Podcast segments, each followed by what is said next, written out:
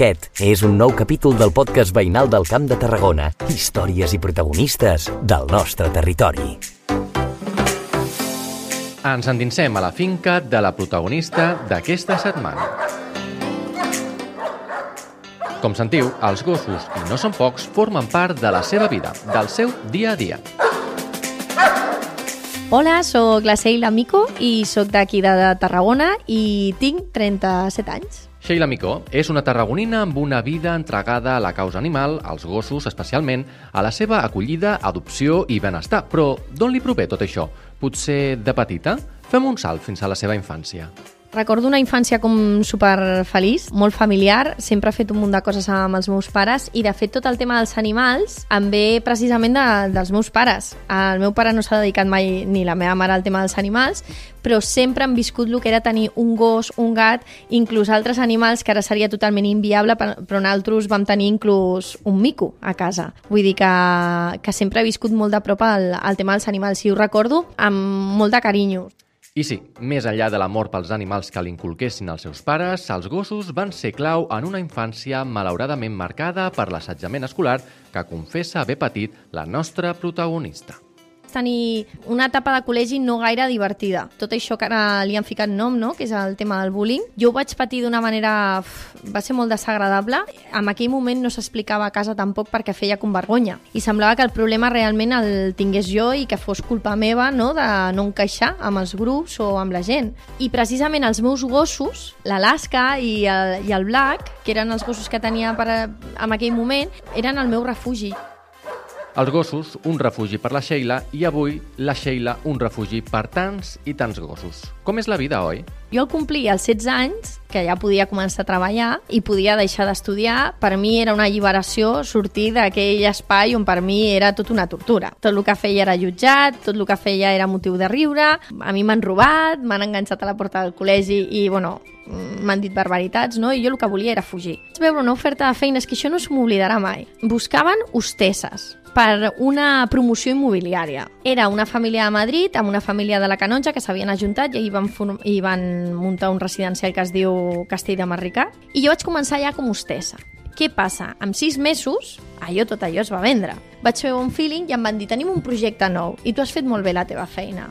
Però aquest projecte et portarà a cavall entre Madrid i Montblanc perquè feien un tema d'unes vinyes allà a Montblanc, però, la, però el que era la sede la tenien a Madrid. Total, que qui liderava aquest projecte una mica era el Ferran Adrià. O sigui, jo havia passat de ser el reír del col·legi allà enmig de tota aquesta gent, no? I vaig començar a treballar amb ells. Vaig aprendre amb ells el que és la rama del màrqueting, fet des de publicitat, anuncis, fires...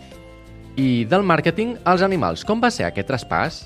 Arriba un moment en el que m'adono que per molt que tinc feines molt guais i que estic guanyant molts diners, no és el que, el que a mi em fa feliç. Tota la mala sort que vaig tenir a l'institut la vaig tenir a la feina. O sigui, jo he tingut molta sort. I he tingut uns jefes molt guais, que han confiat i, i m'han ajudat i m'han ensenyat i m'han donat oportunitats molt guais. I precisament el meu últim jefe, que va ser el de l'empresa de barcos, em va dir, escolta, Seila, Tu no pots ser que cada vegada que vens cap a la feina te trobes un bitxo, la replegues al cotxe, compliques la vida. O sigui, és que no pot ser. Tu has de trobar la teva manera de dedicar-te al que a tu t'agrada ell i la meva parella, el Quimi, que em van donar una mica l'empenta a dir, escolta, comença a dedicar-te al tema dels gossos. I vaig passar de les fèries de Mónaco, Sant-Tropez, Mallorca, en yates i superyates, a recollir les caques dels gossos que passejava, dels veïns de Tarragona, dels barris, saps? O sigui, vaig començar a fer passejos de gossos. Ja veieu tot el que es pot arribar a fer per amor, oi? En aquest cas, per l'amor animal, un canvi radical per assolir la felicitat a través de la tasca social. Quan jo ja em vaig independitzar i vaig començar a viure sola i vaig començar a rondar pel món, de sobte vaig començar a adoptar gossos. I jo, allà on anava, anava amb els meus quatre gossos adoptats. I després, als altres, vaig començar a col·laborar amb associacions fent acollides. I al final són les casualitats les que porten a la Sheila a convertir la seva passió en un espai radiofònic primer i una associació formal després em vaig enterar de Radio Ciutat, Tarragona. Muntar com un espai podcast. Va, Seila, fes un podcast de tema animals. I jo vaig dir, vale, com li diré? I no sé per què em va sortir Revolució Pata. I una vegada que vaig tenir ja el nom, dic, escolta, perquè no munto la meva associació? Donar-li una forma, no? 6 o 7 anys que va uh, començar tot això. Evolució Pata va començar com la loquita de los perros que saca animales de la calle, quiere entregarlos con unos papeles de adopción y con un compromiso que formalitzi aquest gest per part de la família que adopta i per part de la persona que el dona amb adopció. És a dir, aquesta família es compromet a cuidar-lo durant la resta de la seva vida i jo em comprometo a que si ells no ho poden cuidar, jo em tornaré a fer càrrec d'aquest animal. La nostra protagonista reflexiona sobre la realitat amb què es troba en el seu dia a dia. Som moltes associacions traient els animals del carrer.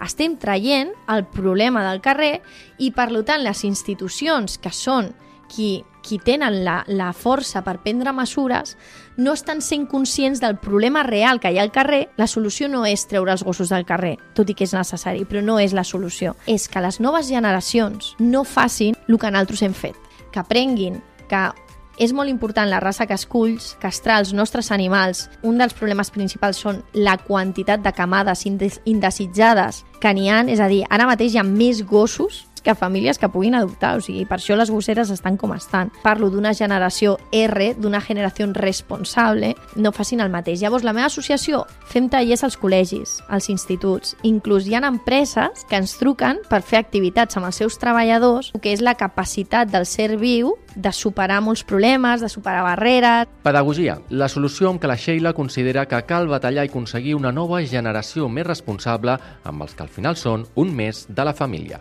que hi ha moltes parelles a dia d'avui que no es poden permetre tenir un fill perquè els gastos són mm, exagerats i, en canvi, el seu projecte de família en primera instància és començar per un gos. Els gossos estan guanyant un paper molt important i s'estan guanyant el cor de les persones. I això és una realitat i ho veiem amb els números. El número de clíniques veterinàries està augmentant, les botigues especialitzades estan augmentant, les xarxes socials estan inundades amb vídeos d'animals perquè la gent consumeix contingut d'animals.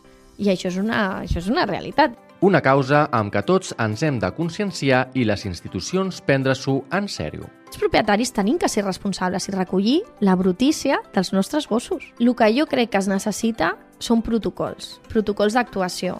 El gran problema que hi ha és que està tot en l'aire, és a dir, tu te trobes un gos pel carrer i aquí truques perquè la gent truca a la Guàrdia Urbana, però la Guàrdia Urbana moltes vegades et diuen és que no és nostre trabajo. És que no hi han establerts uns protocols. Si estan establerts, no estan ben comunicats. Crec que s'hauria de fer un cop de mà a, a la protectora de Tarragona, que està totalment desbordada. Hi han més gossos registrats a Tarragona que nens menors de 14 anys. Això serà que els animals juguen un paper important dintre la població. Amb tot plegat, com és el dia a dia de la nostra protagonista?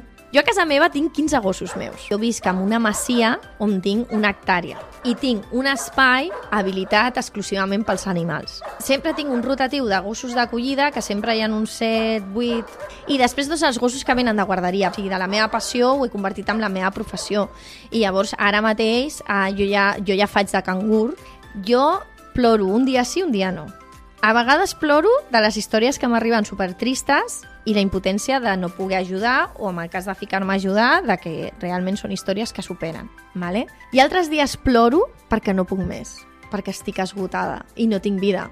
Jo no tinc una vida normal. Jo, a casa meva té que haver-hi algú sempre. Per exemple, viatjar un cap de setmana o viatjar una setmana per mi és una tortura perquè ningú coneixerà tan bé com jo les necessitats dels meus gossos. Mira, jo de dilluns a dijous m'aixeco a les 6 del matí, miro, controlo que estiguin tots, faig el recompte, miro que estiguin tots bé, tal, no sé què, pujo a la furgo i vaig a buscar els gossos dels meus clients. Venen a passar el dia amb mi a la finca i a la tarda els torno. A les 9 com a molt tard ja torno a estar a la finca, llavors comença la festa de la caca. Vull dir, recollir caques. Cas tres vegades al dia, que és pel matí, al migdia i a la tarda. Canviem aigües, Uh, obrim els diferents parcs perquè els gossos estan en grupets de tamanys, caràcter i de més. Vull dir, és que és tot una feinada, això. Els teus dos ulls vigilant 30 gossos. Que no es barallin, que no es facin mal. El meu dia a dia, doncs imagina't, és molt intent. Amb tantes vivències, vull saber quina és la que més ha marcat a la Sheila. És la història de l'estrellita.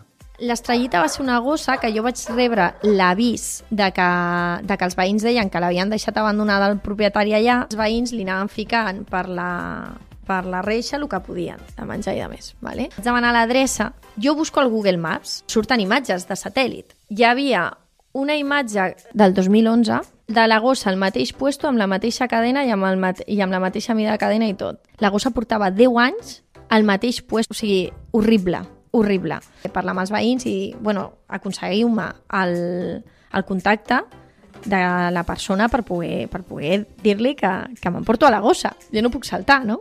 I aquell senyor es va presentar el dia següent, o sigui, em va donar tanta impotència que ell no ho veia greu. Es veia que estava desnutrida, deshidratada, amb uns tumors que li impedien caminar amb normalitat. Vull dir, allò era torturar amb un animal. Com pot ser que tu veguis, ve, o sigui, que ho estiguis veient normal?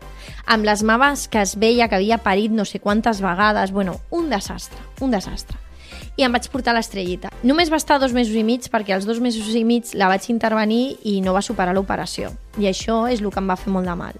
I em va tocar moltíssim. I aquest cas és dels que més m'han tocat de tots els que, els que hem gestionat. Sheila Micó, una jove entregada a la causa animal i a l'amor pels gossos, que en el seu dia van ser un refugi i esperança i ara ho és ella per ells.